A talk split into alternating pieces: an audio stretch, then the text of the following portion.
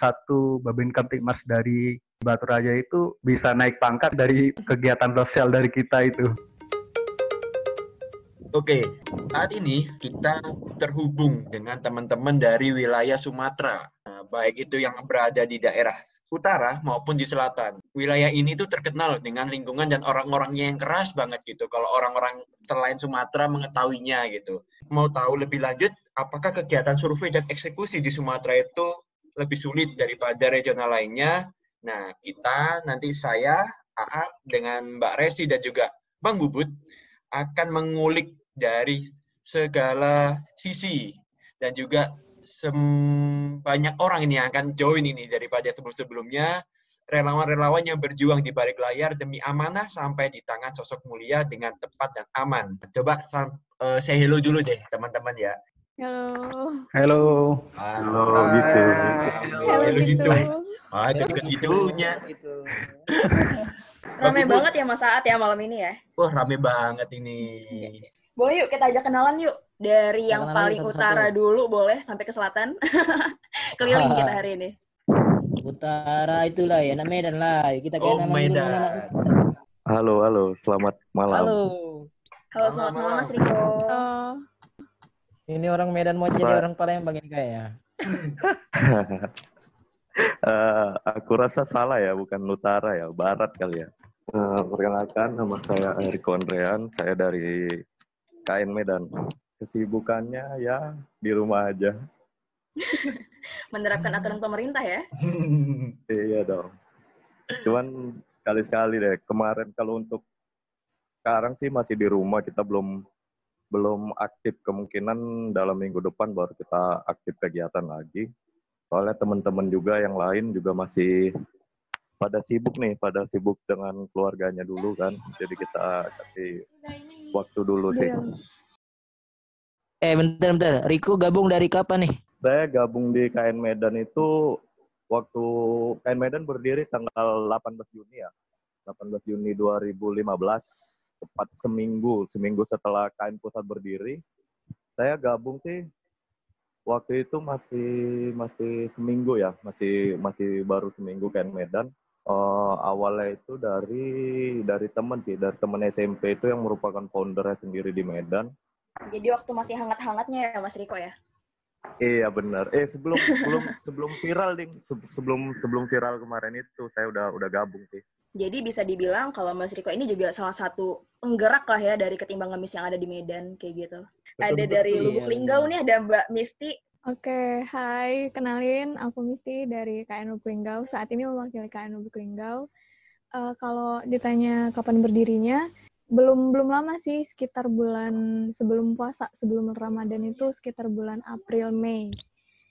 Jadi eh, awalnya di awal-awal tahun, sekitar awal tahun Januari, bulan Januari atau Februari itu sebenarnya Misti sama Kak Wira itu dari Ketimbang Ngemis Palembang. Terus eh, karena Misti asalnya dari Lubuk Linggau, jadi mulai Hmm. nanya nih, kok eh, di daerah Sumatera Selatan itu kan ada Ketimbang Ngemis Batu Raja gitu kan, ada Ketimbang Ngemis Lampung gitu, yang bagian Sumatera Selatan. Kenapa kok di daerahku nggak ada ya gitu? Aku bertanya na- Oke. namanya menanyakan itu sebenarnya. Tapi eh, ketika ditelusuri gitu kan, ketemunya lewat eh, akun Instagram. Jadi aku mulai DM, ini akunnya siapa ya, yang pegang siapa gitu. Itu dari aku pribadi sih. Kemudian dibalas sama si adminnya. Terus kenalan gitu. Eh, kenalan sama Kak Ririn. Kak Ririn eh, salah satu founder dari KN Lubuk Linggau. Kalau dari ceritanya beliau, itu awalnya beliau bikin akun Ketimbang Ngemis itu pada saat KN lagi booming-boomingnya gitu. Di tahun Nggak, 2015 berarti ya. Iya, tahun 2015. Jadi akun itu udah udah ada tahun 2015, udah dia kelola gitu kan, udah karirin kelola. Dan pada saat itu masih yang bantuin, ini loh ada sumur ini, bantuin gitu, masih apa namanya, masih direct gitu kan, masih langsung. Nah, karena Kak Ririn itu dalam dua tahun terakhir atau tiga tahun terakhir itu lupa password akun, jadi divakumin. Jadi eh, menghilang kabar-kabar ketimbang Misuk Linggau itu. Nah, mulai eh, up lagi itu pada saat eh, Kak Wira dari KN Palembang itu mulai apa namanya? Apa kapan sih namanya Kak Panji? Berkunjung, bermain, atau Ya, atau seperti apa ini? Menginvasi. Menginflasi. Mengin- Ini, Invasi ini, linggau. menginisiasi, menginisiasi gitu, menginisiasi. Kalau misalnya, uh, kalau misalnya, oh, ayo deh gitu, bikin bikin lagi uh, ketimbang ngemis di Lubuk Linggau gitu. Dengan akun yang baru gitu ya Mbak ya. Enggak, dengan akun yang lama, alhamdulillah. Passwordnya dengan- kembali. Passwordnya tiba-tiba kembali, tiba-tiba inget. Dia udah karena uh, banyaknya member dari Ketimbang Ngemis Palembang yang berdomisili di Lubuk Linggau, jadi kita seperti Saling bekerja sama transformasi lah ya. Betul. Bukan bukan imigrasi loh Mbak ya, bukan transmigrasi juga loh itu. Impor, impor, impor. Enggak, enggak, enggak. Karena kita masih masih apa namanya? Tidak berpindah, cuman uh, pergi, pulang lagi, mudik, pulang lagi gitu. Eh, kalau tadi Sumsel, kita jangan Sumsel lagi dulu. Kita ke Jambi aja dulu gimana? Eh, Oke, Assalamualaikum warahmatullahi wabarakatuh. Sebelumnya perkenalkan nama saya Jo dari Ketimbang Ngemis Jambi. Eh, kalau posisi saya di sini sih se- sebenarnya bisa dikatakan sebagai pembentuk eh, dari Ketimbang Ngemis Jambi sendiri. Dulu itu waktu Ketimbang Ngemis lagi booming, itu saya sempat niatnya pengennya gabung gitu. Cuman nggak tahu di Jambi itu udah ada apa belum. Jadi sempat searching gitu ke Instagram di Instagram itu malah ketemu beberapa akun yang mengatasnamakan ketimbang Miss Jambi. Itu bisa ada tiga atau sampai empat akun. Tapi dari kesemua akun itu nggak ada yang aktif satupun. Paling cuma ada satu atau dua foto. Nah, nah di situ salah satu dari ketiga empat akun itu saya coba untuk DM saya coba eh, respon dari adminnya sendiri karena di saat itu saya pengennya join pengennya gabung gitu kan. Cuman nggak ada satupun yang respon Nah, dari situ sih awalnya saya coba eh, cari-cari di jalan eh, sosok-sosok mulia yang menurut saya saat itu eh, patut kita up, patut kita tunjukkan ke kalangan masyarakat. Nah, itu saya unggahnya ke akun pribadi saya sendiri dulu awalnya. Nah, nah, Oke. lalu selanjutnya saya sempat buat akun atas nama Ketimbang Miss Jambi saya coba gerakin bersama teman-teman saya yang waktu itu masih kuliah. Nah, setelah itu saya sama teman saya ini akhirnya eh, membuat keputusan bahwa ayo kita coba yuk buat eh, buat ketimbang ngemis yang ada di Jambi gitu. Nah, alhamdulillah waktu itu responnya banyak. Jadi dari beberapa kalangan dari mahasiswa bahkan dari eh, notaris pun ada dulu yang sudah kerja, ada juga yang sudah berkeluarga. Jadi sempat kita kumpulin itu ada sekitar 6 sampai 7 orang. Lalu kita mulai gerakin, kita mulai up lagi apa itu ketimbang Miss Jambi sampai akhirnya itu kita bentuk di tanggal 1 Mei 2017. Kita sengaja tepatin di hari buruh. Nah, itu untuk pembentukan awal kita ada sekitar 20 anggota dulunya. Sekarang udah berapa Mas relawan dari Jambi Mas? Kalau misalkan kita kumpulin sama relawan-relawannya itu mungkin ada sekitar 50-an. Tapi ya tetap yang aktif paling sekitar 20-an, masih anggota-anggota lama. Oke, mungkin dari yang kelihatannya ini nih, cerah ini, Mas Panji. Oh, cerah ya aku ya. Cerah Mas, Mas. Kelihatan masa depannya cerah. Wih. amin. amin, amin, Amin, amin. Halo guys. Assalamualaikum, Halo. selamat malam. Eh, ini aku namanya Panji Maulana, perwakilan dari Timbang Miss Palembang. Di di sini udah beberapa tahun ya jadi anggota. Pertama kali gabung itu bulan April 2017. Itu tepat hampir dua tahun ketimbang Miss yang ada di Palembang. Jadi pertama kali join itu awalnya ikut-ikut temen nih. Ada salah satu temen yang join ketimbang Miss Palembang. Ini anak sebenarnya nggak suka berorganisasi, tapi aku anehnya kenapa dia tahan dengan ketimbang Miss Palembang. Pasti ada sesuatu di komunitas ini. Jadi- Ketahan itu. Hmm, jadi kan ini anak ini biasanya di satu ini keluar, satu ini keluar, tapi sampai dua tahun tiga tahun dia tetap bertahan bareng aku waktu itu di situ. Berarti ada sesuatu yang beda di satu komunitas ini. Karena sebelumnya eh, aku pribadi juga udah bergerak di kegiatan sosial dan setelah aku join di ketimbang Miss Palembang ini ternyata kegiatan sosialnya itu memang benar-benar real yang untuk berguna untuk masyarakat. Jadi seperti Hmm. itu cerita tingkatnya. Hmm, jadi kita nggak cuma ngomong aja, kita nggak cuma sharing aja, tapi ada gerakan yang baik itu kita melakukan donasi, itulah kita langsung survei. Jadi di sini kita target yang kita berikan donasi itu benar-benar target yang membutuhkan. Jadi nggak cuma kayak orang-orang kebanyakan yang dilakukan itu mereka ketemu di jalan, dikasih sedangkan mereka belum tahu background di belakang keluarga lingkungan sekitarnya mereka belum tahu. Sedangkan ketimbang di sini mereka memiliki prinsip kita harus survei dulu kita harus cek bagi keluarga cerita keluarganya tanya uh, lingkungan sekitar RT segala macam ketika kita udah dapat datanya yang lengkap baru kita bisa dibantu dan itu mengurangi salah sasaran untuk donasi kayak gitu. Oke, mungkin kita next dulu biar uh, perkenalan semuanya. Soalnya ini topik akan semakin memanas ini, makan seru banget ini ntar. Assalamualaikum warahmatullahi wabarakatuh. Perkenalkan nama saya Gusti, perwakilan dari KN Batu Raja. Jadi untuk rekan-rekan yang belum mengetahui Batu Raja itu di mana, itu eh, salah satu ibu kota kabupaten tuh di Sumatera Selatan. Mungkin Mas Aad eh, di Jawa itu kan belum tahu di mana itu Batu Raja tuh. Jadi kalau untuk sejarah ketimbang Mis Batu Raja itu terbentuk pada tahun 22 Juni 2015 tuh Hmm. pertama kali postingan di Instagram. Jadi eh, inisiatif dari saya setelah melihat eh, viralnya ketimbang ngemis, iseng-iseng nyari tuh di Instagram akun Instagramnya. Ternyata akun itu udah ada sejak lama, tapi setelah dilihat postingan terakhir, kayaknya nih akun Instagram nih vakum. Jadi iseng-iseng DM dan dibalas enam bulan kemudian.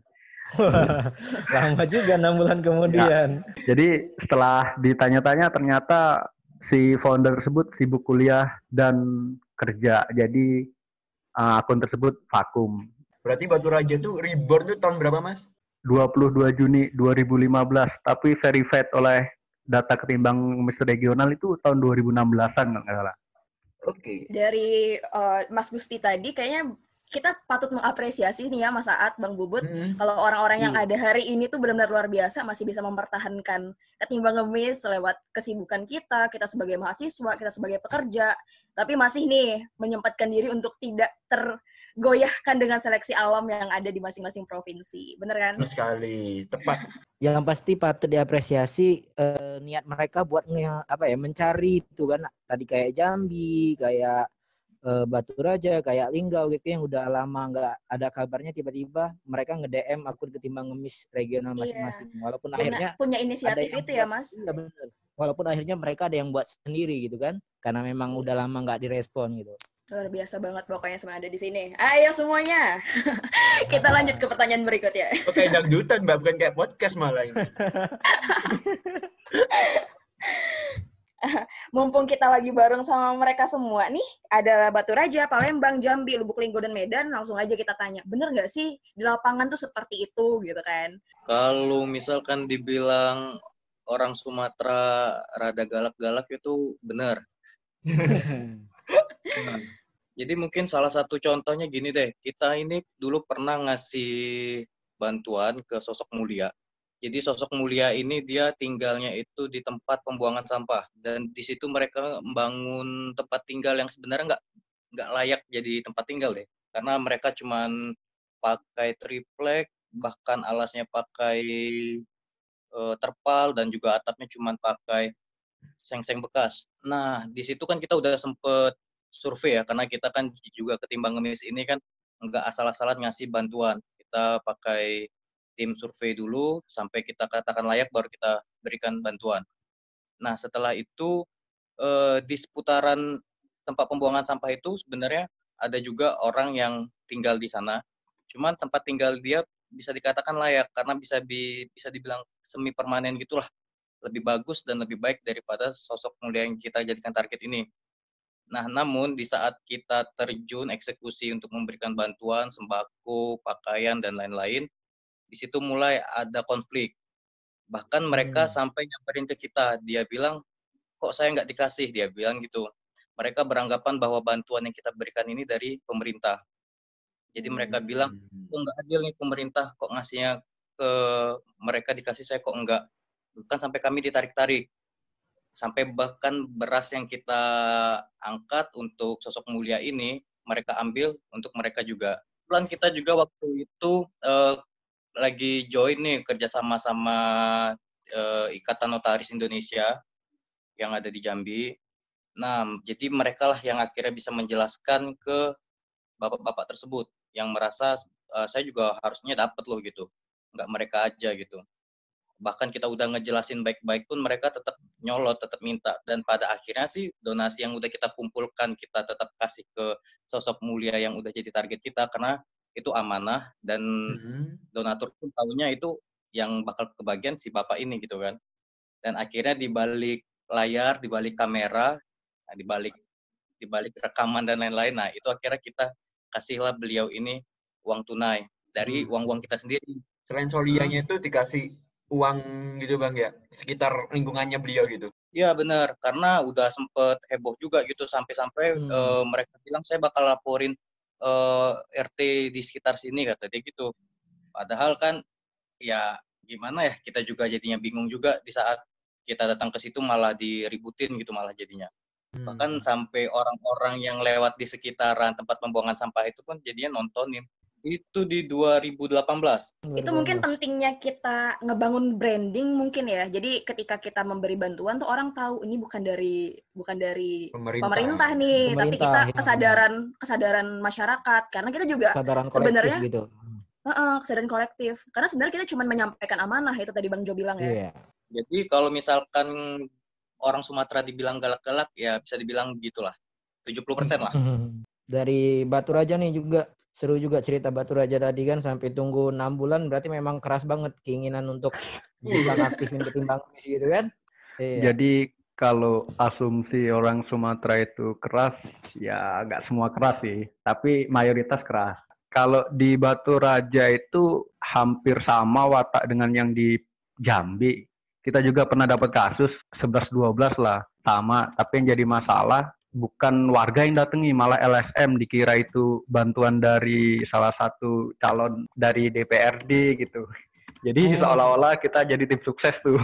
Jadi sempet ribut sih tapi nggak sampai uh, adu mulut sampai baku hantam itu enggak nah untuk mengantisipasi hal tersebut terjadi kita bersepakat untuk kerjasama dengan Babin Kamtipmas dengan Babinsa di setiap daerah sebelum kita melakukan distribusi. Jadi kita uh, melakukan pemohonan pengawalan dah uh, ke target yang akan kita tuju untuk dikasih donatur donasi tersebut.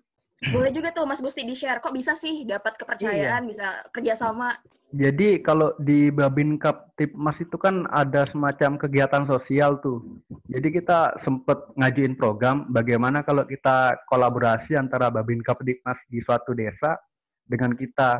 Dan ternyata salah satu program kita itu menarik untuk Babin Kapdimas tersebut dan diajukan ke uh, Kapolres dan disetujui dan akhirnya kemarin satu Babin Kapdimas dari desa di Batu Raja itu bisa naik pangkat salah satunya dari program kegiatan sosial dari kita itu. Efeknya luar biasa itu. Alhamdulillah. Ya, ya benar Mas. Bang Riko ini Bang Riko gimana Bang Riko yeah. terkait stereotip seperti itu tadi Bang Riko?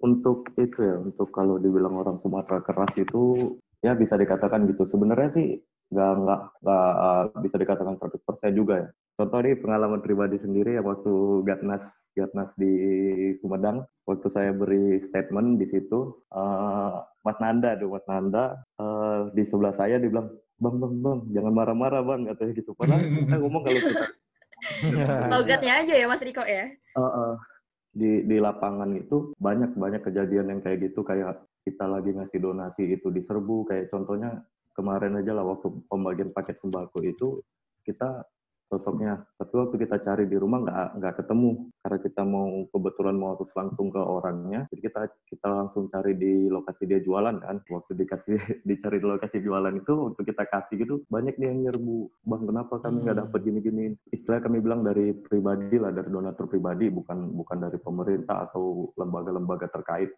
tapi kayak mereka nggak percaya nanti mobilnya digedor-gedor lah aduh itu parah memang benar karena kita juga dulu tuh waktu awal-awal sampai dikejar-kejar loh waktu teman-teman masih ngumpul di situ kita mau balik itu diikutin orang ya udah akhirnya kabur ngebut-ngebut naik motor kalau kondisi di lapangan mungkin kalau kita lihat aduh netizen yang nyinyir-nyinyir itu alah biarkan aja lah gitu kan.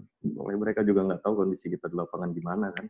Oke, Bang Bubut, kita lanjut ke Palembang yuk. Yang pernah jadi tuan rumah Gatnas 2018 nih.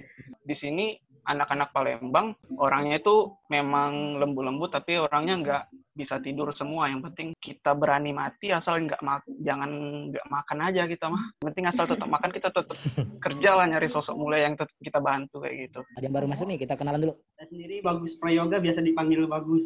Ya sebenarnya saya uh, mewakili ketua Timbang Ngemis Lampung karena dia halangan karena dia pulang kampung.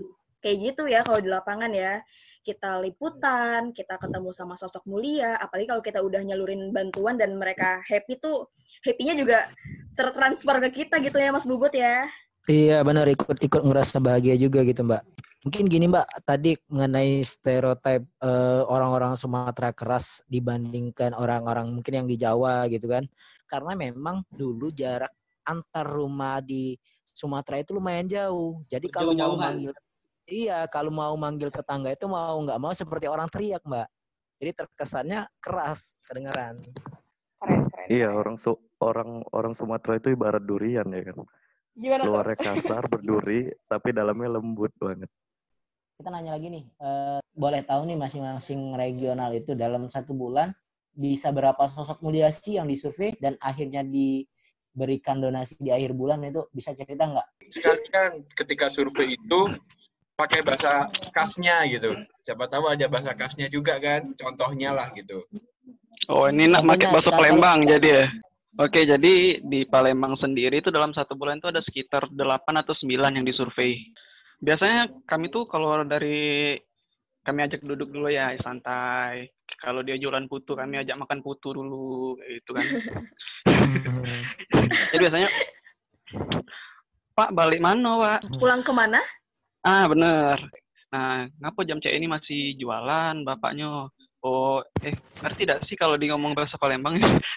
kenapa Jadi jam misalkan- segini baru pulang gitu ya Ah, kenapa jam sini belum belum pulang kayak kayak gitu? Kakek memang keluarnya sore. Jadi kakek keluar jam 4 biasa balik jam 12 atau jam 1 kayak gitu. Ada beberapa yang kayak gitu. Ya, kakek jualan. Kamu ngapain malam-malam keluar? Nah, ditanya kakek kayak gitu juga. jadi kami ini jadi kami ini baru perkenalan. Kami dari komunitas ini kayak kalau udah dipancing segini, mereka bakal cerita panjang lebar. Biasa Mhm. sejaman bisa, sejaman bisa kami nunggu duduk itu dengeri dia cerita sejaman biasanya. Pas waktu tim survei datang lagi ke rumah kakek tersebut, nah ada cucung kakek ke rumah datang, nah kayak itu. Jadi sosok mulianya itu welcome semua. Ya kami ini sebagai katanya orang Palembang yang keras tuh nangis sangat Hello Kitty nih. Gitu. Medan, Medan.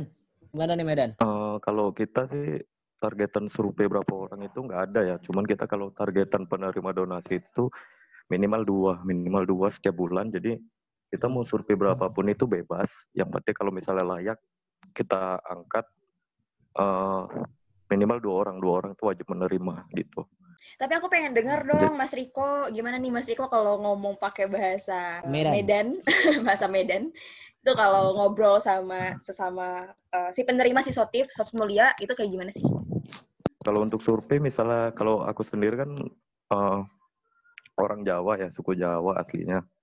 Eh, jadi kalau misalnya ada sosok mulia yang suku Jawa yang udah tua, kadang orang-orang tua gini banyak banyak yang nggak bisa bahasa Indonesia itu ya kita ngobrolnya pakai bahasa Jawa. Nanti kalau ada orang teman-teman yang bisa bahasa Batak, kalau dia orang Batak ya pakai bahasa Batak gitu. Batu Raja gimana nih? Kalau bahasa daerah sih, kalau di sini kan mayoritas suku Komering, Palembang, Ogan, dan Jawa. Jadi kita menyesuaikan si Tolia tersebut eh, suku mana. Jadi kalau suku Jawa, ya anggota ketimbang Mis Batu Raja yang suku Jawa ngomong tuh. Kalau suku Komering, orang Komering ngomong. Kalau orang Palembang asli ya biasanya semua orang Batu Raja bisa pakai bahasa Palembang gitu. Kalau Komering lagi ini lebih sulit. Bahkan saya nggak paham bahasa Komering itu. Ya, lanjut kita ke Lubuk Linggau.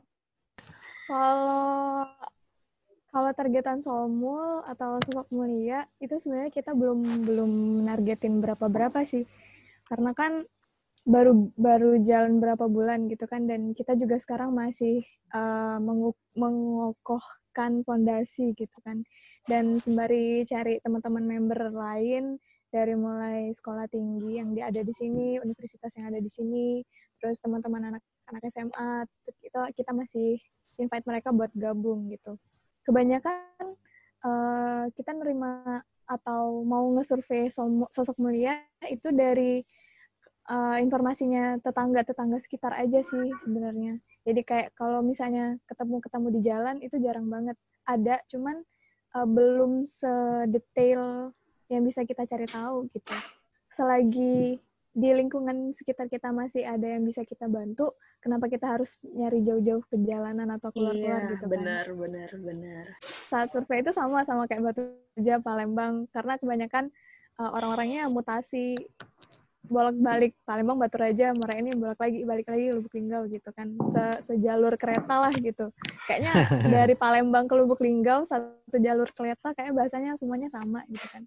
Mereka kebanyakan uh, bahasanya pakai bahasa daerah yang kayak misalnya nek nang ngapain ngasih kak? Nggak jual apa gitu. Jadi nek nenek nenek lanang nek nang Nek nang nggak jual apa?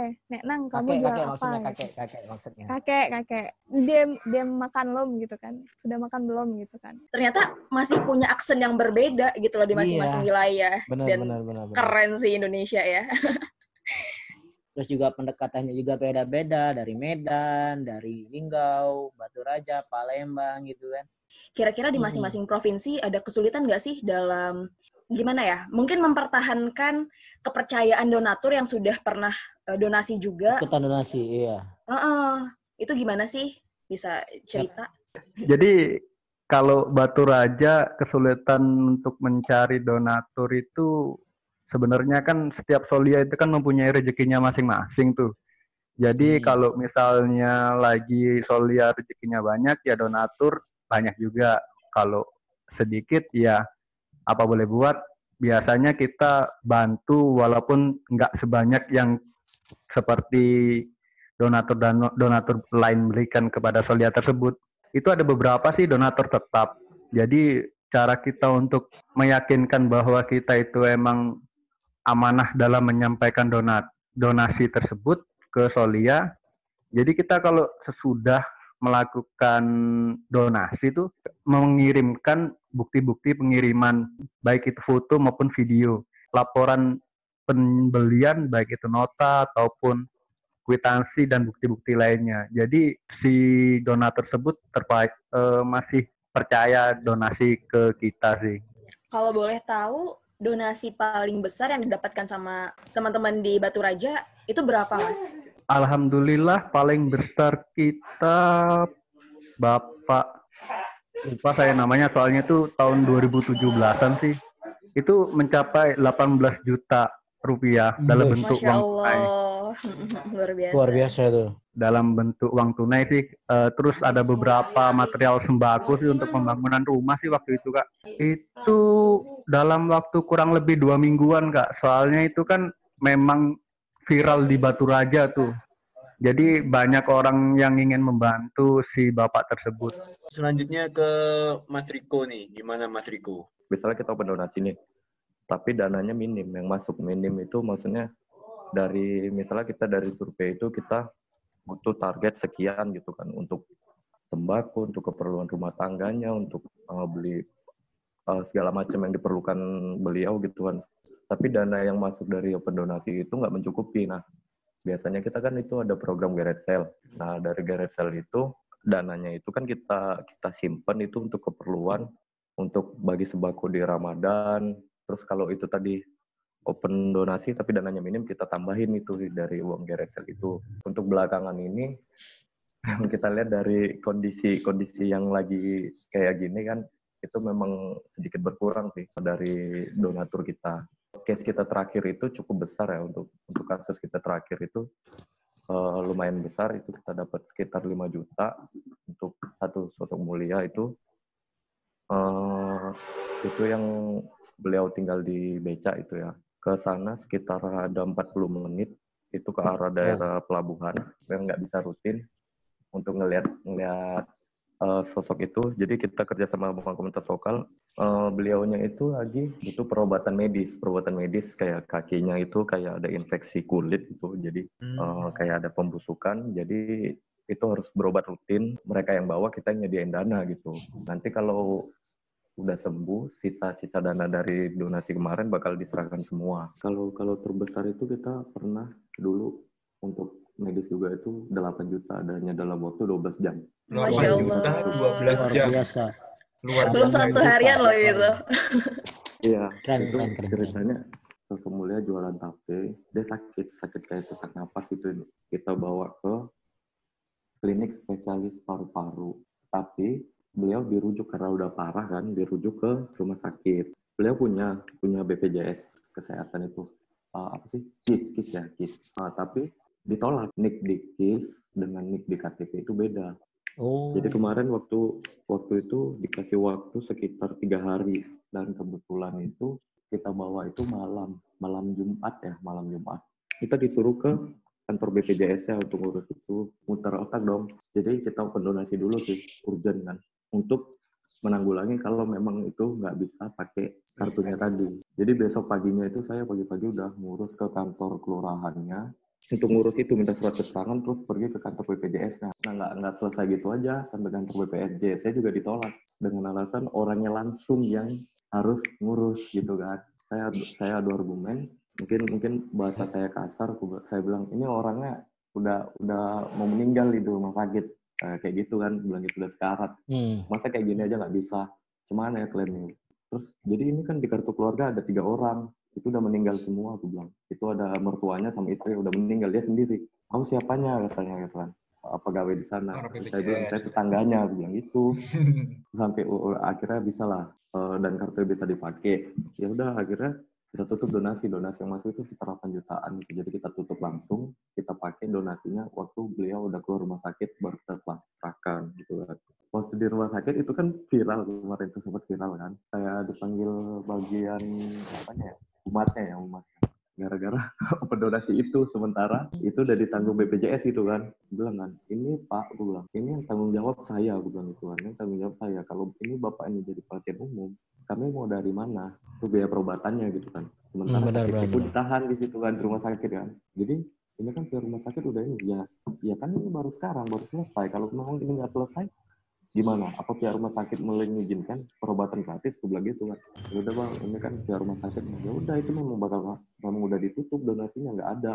Dan situ udah dijelaskan memang udah kartunya udah selesai. Dan gitu. Ya udah nggak ada masalah. Saya juga nggak ada nge- nge- ngejelekkan nama rumah sakit.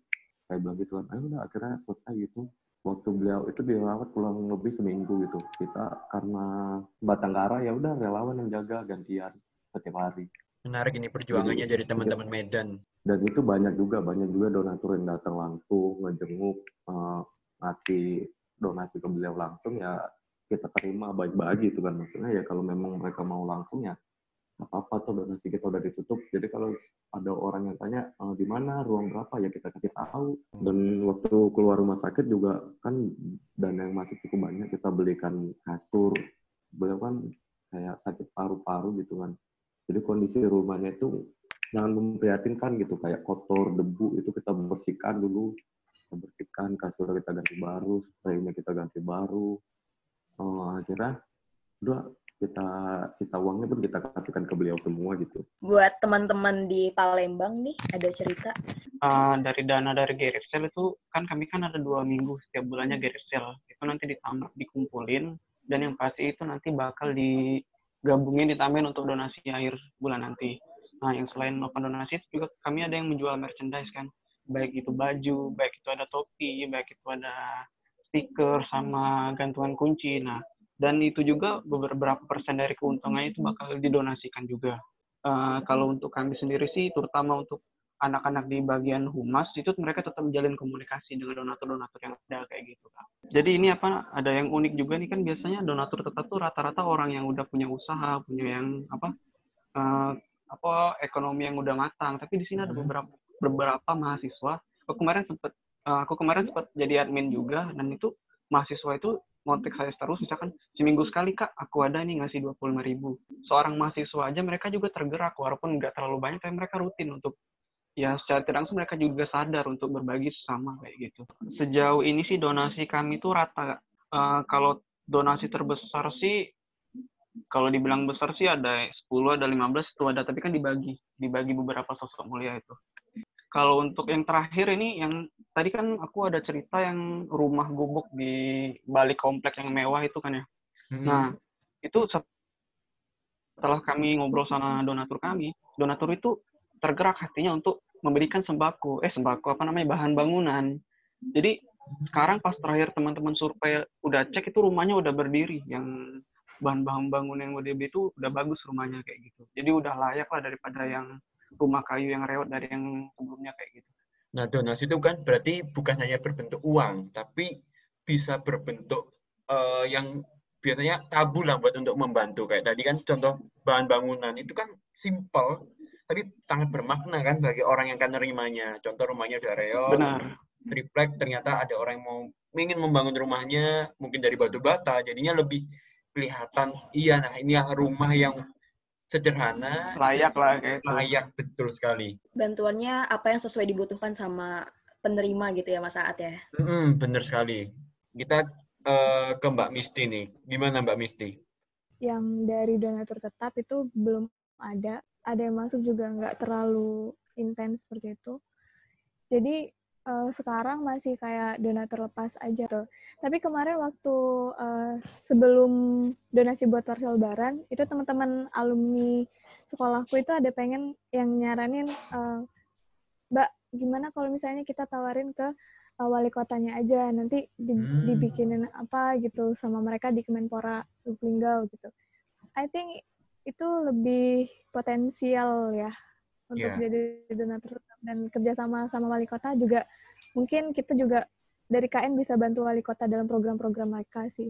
Oke, oke. Doain ya kakak-kakak. Semoga uh, di tahun-tahun selanjutnya ketimbang bisa Linggau lebih bisa berkembang dan bisa membantu banyak orang. Amin. Amin. Ini kita semua Amin. sedang belajar sih di sini karena masing-masing wilayah tuh pasti punya keunggulannya juga gitu ya. Mm-hmm. Saya dari Ketimbang Miss Jambi. Jadi pada saat itu ceritanya ada seorang kakek yang berjualan buah-buahan seperti pisang dan kates. Beliau ini sehari-harinya keliling di daerah perkotaan, di daerah kantor-kantor. Tiga orang pemuda yang menggunakan mobil berhenti di tepi jalan dan memanggil kakek ini. Kakek itu beranggapan bahwa mereka ingin membeli. Lalu si kakek diajak untuk masuk ke dalam mobil dan setelah mobil itu pergi, si kakek baru sadar kalau dia baru saja memberikan seluruh uang yang ada di sakunya kepada pemuda tersebut. Secara kebetulan si kakek sedang membawa uang yang lumayan banyak yaitu jum, uh, yaitu tabungan beliau untuk membeli kursi ruang tamu dengan angka kurang lebih 1,6 juta. Lalu mulailah kakek ini histeris dan divideokan juga oleh masyarakat Jambi yang saat itu melihat dan postingan video itu sempat viral.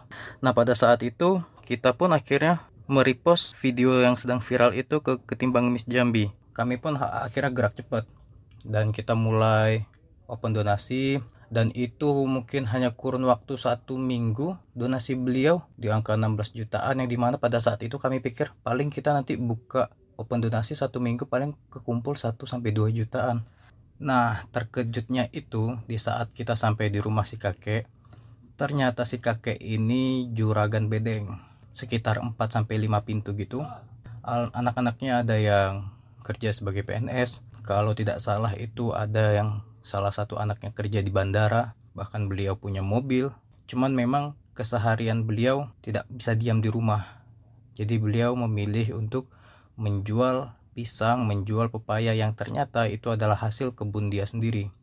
Sempat ada pertentangan bahwa nggak bisa, ini amanah, ini amanah dari masyarakat, amanah dari seluruh orang, bahwa uang yang terkumpul ini sepeser pun tidak bisa kita arahkan ke mana pun. Jadi pada akhirnya dengan uang 16 jutaan itu hampir satu jutaan kita belikan sembako dan sisanya kita berikan semua kepada kakek itu ini sebuah pelajaran bagi kita bahwa gimana pun viralnya sebuah postingan ya kita harus benar-benar survei dulu sebelum kita melakukan eksekusi atau membagikan donasi tersebut dan bantuan saat itu sih juga juga ada dari beberapa komunitas sosial lainnya Bahkan dari gubernur sendiri dan juga wali kota di Jambi juga memberikan bantuan kepada beliau. Beliau itu bisa menampung donasi hampir sekitar di angka 60 jutaan ke atas. Kita sih nganggapnya si kakek emang udah ketiban rezeki aja deh. Ini tadi aku juga mendengarkan ya dari ceritanya Mas Riko. Saya menyambungkan bahwa setiap personal kita ada nggak sih Solia yang membuat teman-teman itu tersentuh, terharu, ataupun menjadi kenangan pentingnya teman-teman ketika bergerak di dalam komunitas ketimbang ngemis ini gitu? Kalau dari aku pribadi sih ada namanya ada salah satu kakek itu aku lupa namanya soalnya itu pas pertama kali aku masuk. Sangat menyanjung ya menyanjung beliau karena beliau itu salah satu target sosok mulia yang memang benar-benar nggak mau nyusahin semua anaknya kayak itu walaupun ya anaknya memang cuma satu waktu itu cuma satu tapi anaknya di rumah anaknya tetap jualan tapi dia tetap nggak mau nggak mau apa namanya nggak mau di rumah. Dia waktu itu berjualan pempek itu berjalan hampir 5 sampai tujuh kilometer kalau nggak salah. Bolak-balik itu jalan kaki kayak itu tapi sebenarnya orangnya itu sehat. Tapi nggak tahu kenapa kemarin tuh sempat dapat kabar dari anaknya atau menantunya waktu itu kalau nggak salah kayak udah nggak ada katanya. Uh, kita kejut semua terkejut. Jadi ya itulah. Belum sempat ngobrol banyak. Dan sampai sekarang juga masih kontakan sama cucunya kalau dari Batu Raja Solia yang paling berkesan sih Mbah Gaul namanya nama lapangannya sih Mbah Gaul kalau nama aslinya kurang tahu ya 2019 itu akhirnya kita ketemu nih lokasi beliau di mana tempat domisili. Jadi ternyata beliau itu eh, salah satu pejuang veteran zaman perjuangan di Batu Raja dulu. Jadi usianya udah renta sih kalau menurut saya udah nggak layak lagi tetap. Tapi beliau itu tetap jualan. Yang buat unik itu apa? Jadi dia itu jualan dengan bawa semacam tongkat, tongkat pramuka. Nah di atasnya itu ada bendera kecil tuh. Jadi dia sepanjang jalan itu ya menjajakan dagangannya dengan gaya yang seperti pejuang. Nah, hmm. dari situ kita bisa belajar dari semangat beliau yang tidak mau mengemis.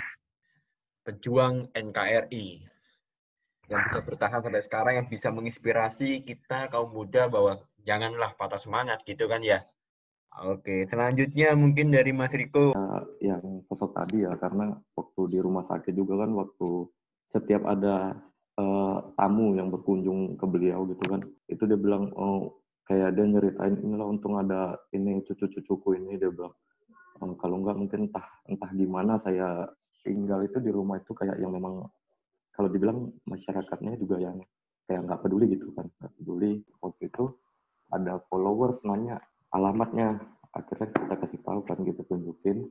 Nah entah kenapa juga followers ini lama lama maksudnya lama lama juga untuk ketemu ke beliau gitu datang rumahnya bertamu berkunjung ke rumahnya gitu. Jadi kita close kontak kemarin itu.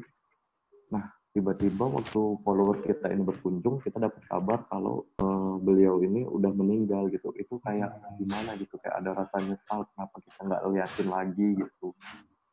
Uh, itu cukup cukup buat ini sih. Jadi pikiran gitu kenapa kenapa nggak liatin kenapa nggak liatin gitu sih. Jadi rasa penyesalan tersendiri sih buat uh, buat saya pribadi sama teman-teman gitu. Nah dari Mas Bagus ini gimana Mas Bagus yang sangat berkesan itu ada namanya Mbah uh, Kasiran. Beliau ini berjualan wayang di kota Metro. Hmm. uh, kakinya itu mohon maaf uh, diamputasi sebelah kirinya. Uh, saat itu ya kita open donasi pas eksekusi juga kita uh, ke rumah mbahnya. Nah, seperti biasa uh, gubuk. Di sana ya dia sendirian. Hmm. terus yang bikin uh, berkesannya lagi ya dengan keterbatasan fisiknya dia udah sepuh juga apalagi karena kakinya diamputasi sebelah kirinya juga ya beliau tetap uh, semangat lah menyerah, selalu bekerja keras dan uh, pantang uh, pantang meminta-minta. Saya dari Ketimbang Miss Jambi, suatu momen yang bikin saya sangat haru itu di mana kita datang ke sebuah rumah. Kakek itu adalah seorang penjual bubur. Beliau seorang yang sangat taat agama. Jadi setelah kita masuk saya ingat pada saat itu mungkin kurang lebih kami ada 10 orang yang eksekusi. Kita dari mana, kita sampaikan apa tujuan kita, kita sampaikan apa keinginan kita, niat kita dan amanah kita. Beliau menganggap kita semua yang datang itu sebagai anak dan cucunya. Beliau memberikan sebuah nasihat, sebuah cerita pengalaman hidupnya juga. Dan di hujung kami dari ke 10 orang itu ditanya siapa nama kami dan siapa bin dari orang tua kami. Beliau mendoakan satu persatu dari diri kami untuk diberikan selalu kesehatan kekuatan. Ya pokoknya semua doa-doa baik yang diberikan kepada kami semua. Dan semua tim di di tempat itu ya meneteskan air mata karena sangat apa ya seorang yang menerima bantuan itu nggak hanya sekedar menerima tapi mereka mendoakan ya walaupun kami hanya sekedar tempat penyalur sebagai wadah menyalurkan donasi tapi beliau sangat berterima kasih. Oke siap. Jadi dari teman-teman pasti punya hal yang berkesan setelah selama berkegiatan di ketimbang pis ini. Ini bisa jadi pertanyaan terakhir nih di malam hari ini. Pesan-pesan apa ini yang ingin disampaikan kepada pendengar nih, kepada sahabat ketimbang ngemis? Relawan yang kepengen gabung itu kita tekankan bahwa kalian masuk ke ketimbang ngemis ini nggak dapat apa-apa loh. Jangan beranggapan kalau kalian di ketimbang ngemis ini kerja atau mendapatkan uang atau ingin sekedar pamor aja, ingin tampil keren dan lain-lain. Pastikan deh kalau emang kalian punya jiwa sosial yang tinggi, panggilan diri kalian sendiri, dan percaya deh nanti kalian akan merasakan sesuatu ya kalian nggak dapat apa-apa nggak dapat uang nggak dapat barang tapi kalian dapat pelajaran. Karena saya sendiri pribadi ya merasakan ada suatu kepuasan dalam diri saya di saat saya memberikan donasi kepada sosok mulia yang benar-benar tepat. Walaupun terkadang mungkin angka uangnya dan jumlah sembako yang tidak seberapa tapi mereka menganggap itu adalah sebuah rezeki yang Tuhan berikan kepada mereka. Dan mereka pun juga menerimanya dengan sangat senang, sangat bahagia kita generasi muda mungkin biasa gitu ya biasa untuk ngopi yang harganya lima puluh ribu untuk beli barang-barang yang harganya mahal tapi jangan jangan lupa jangan lupa untuk beli dari pedagang kecil yang menyediakan barang jualan atau jasa itu uh, karena dengan membeli membeli dari mereka dari para pedagang kecil itu kita udah membantu perekonomian mereka dengan keluarganya. Kita sebagai anak muda tuh kita tidak boleh uh, lelah untuk berbuat kebaikan, apalagi untuk kita anggap saja itu orang tua kita. Kalau itu orang tua kita, masa kita tega untuk tidak membantu mereka? Dengan membantu sama tidak akan pernah membuat kita miskin, teman. Jangan jangan pernah cari orang baik kalau kita nggak pernah nggak nggak jumpa dengan orang baik, maka kita harus jadi salah satu orang baik tersebut. Teruslah membantu sesama orang yang membutuhkan. Menebar virus-virus kebaikan untuk seluruh masyarakat. Nah, dari wow, it applause again. Oke. Keren, keren. Menjadi inisiator kebaikan. Give it applause for us. Tepuk buat teman-teman luar biasa untuk hari ini. Jadi gini nih, bukan titik yang membuat tinta, tapi tintalah yang membuat titik. Bukan cantik Cakep. yang membuat menjadi cinta, tapi cintalah yang membuat semuanya menjadi cantik. Aku masih takjub sama uh, kebinginnya Kak Tunggal Ikaan Indonesia, di mana di satu provinsi kita baru baru menjelajah ke Sumatera ya malam ini, hmm, tapi kayak iya, udah bener. banyak banget pelajaran yang kita dapat mulai dari uh, tutur bahasa, mulai dari lingkungan teman-teman, terus kayak pendapat teman-teman dan kita tukar pikiran di sini, kita semua saling belajar di sini dan itu keren gitu loh. Aku masih takjub di situ sih, luar biasa. Ketimbang ngemis, mania, mantap. Mantap. Oke, okay. kalau kalau aku sih kalau aku sih nih ngelihat tadi cerita dari awal teman-teman uh, gimana kegigihan mereka uh, nggak mudah loh bertahan konsisten dari yang awalnya cuman kepo ya di Instagram ngehubungi ketimbang ngemis yang nggak aktif terus sampai sekarang akhirnya masih tetap berjalan kegiatannya itu luar biasa patut diapresiasi. Tentunya orang-orang konsisten seperti ini yang harus kita apresiasi karena mereka nggak berharap apa-apa tapi mereka bergerak untuk memberikan kebahagiaan terutama untuk sosok mulia kalian keren luar biasa Waduh, Mas Panji langsung ngasih. Thank for watching this and I love you all. Waduh. Baper nih saya nih langsung ini, Mas. sama cowok Nah. baper ini bahaya ini dah oke mungkin hari ini saya mengucapkan terima kasih banyak ini ke Mbak Misti, Mas Gusti, Mas Panji, Mas Bagus dan juga Mas Riko dan jangan lupa untuk sahabat ketimbang ngemis untuk selalu ya didengerin dan ditonton nih podcastnya di jam 9 malam dan besok kita akan melanjutkan episode-episode berikutnya dari wilayah yang berbeda ini. Dari wilayah mana kita tunggu dari mananya. Sekali lagi terima kasih juga buat Mbak Misti, Mas Gusti, Mas Panji, Mas Bagus, Mas Riko. Mohon maaf kalau ada salah-salah kata malam hari ini. Kita saling sharing lagi, kita bangun silaturahmi kita. Semoga ke depannya kita semua bisa menjadi pribadi yang lebih baik. Oke? Amin. Oke, amin. Saya juga mengucapkan terima kasih dan mohon maaf apabila ada salah-salah kata semuanya. Tetap jaga kesehatan. Oke, akhir kata dari kami. Terima kasih untuk semua dan sahabat pendengar dan salam dari kami. Ketimbang ngemis, Say say no to no to ngemis. ngemis. Say no to kasih.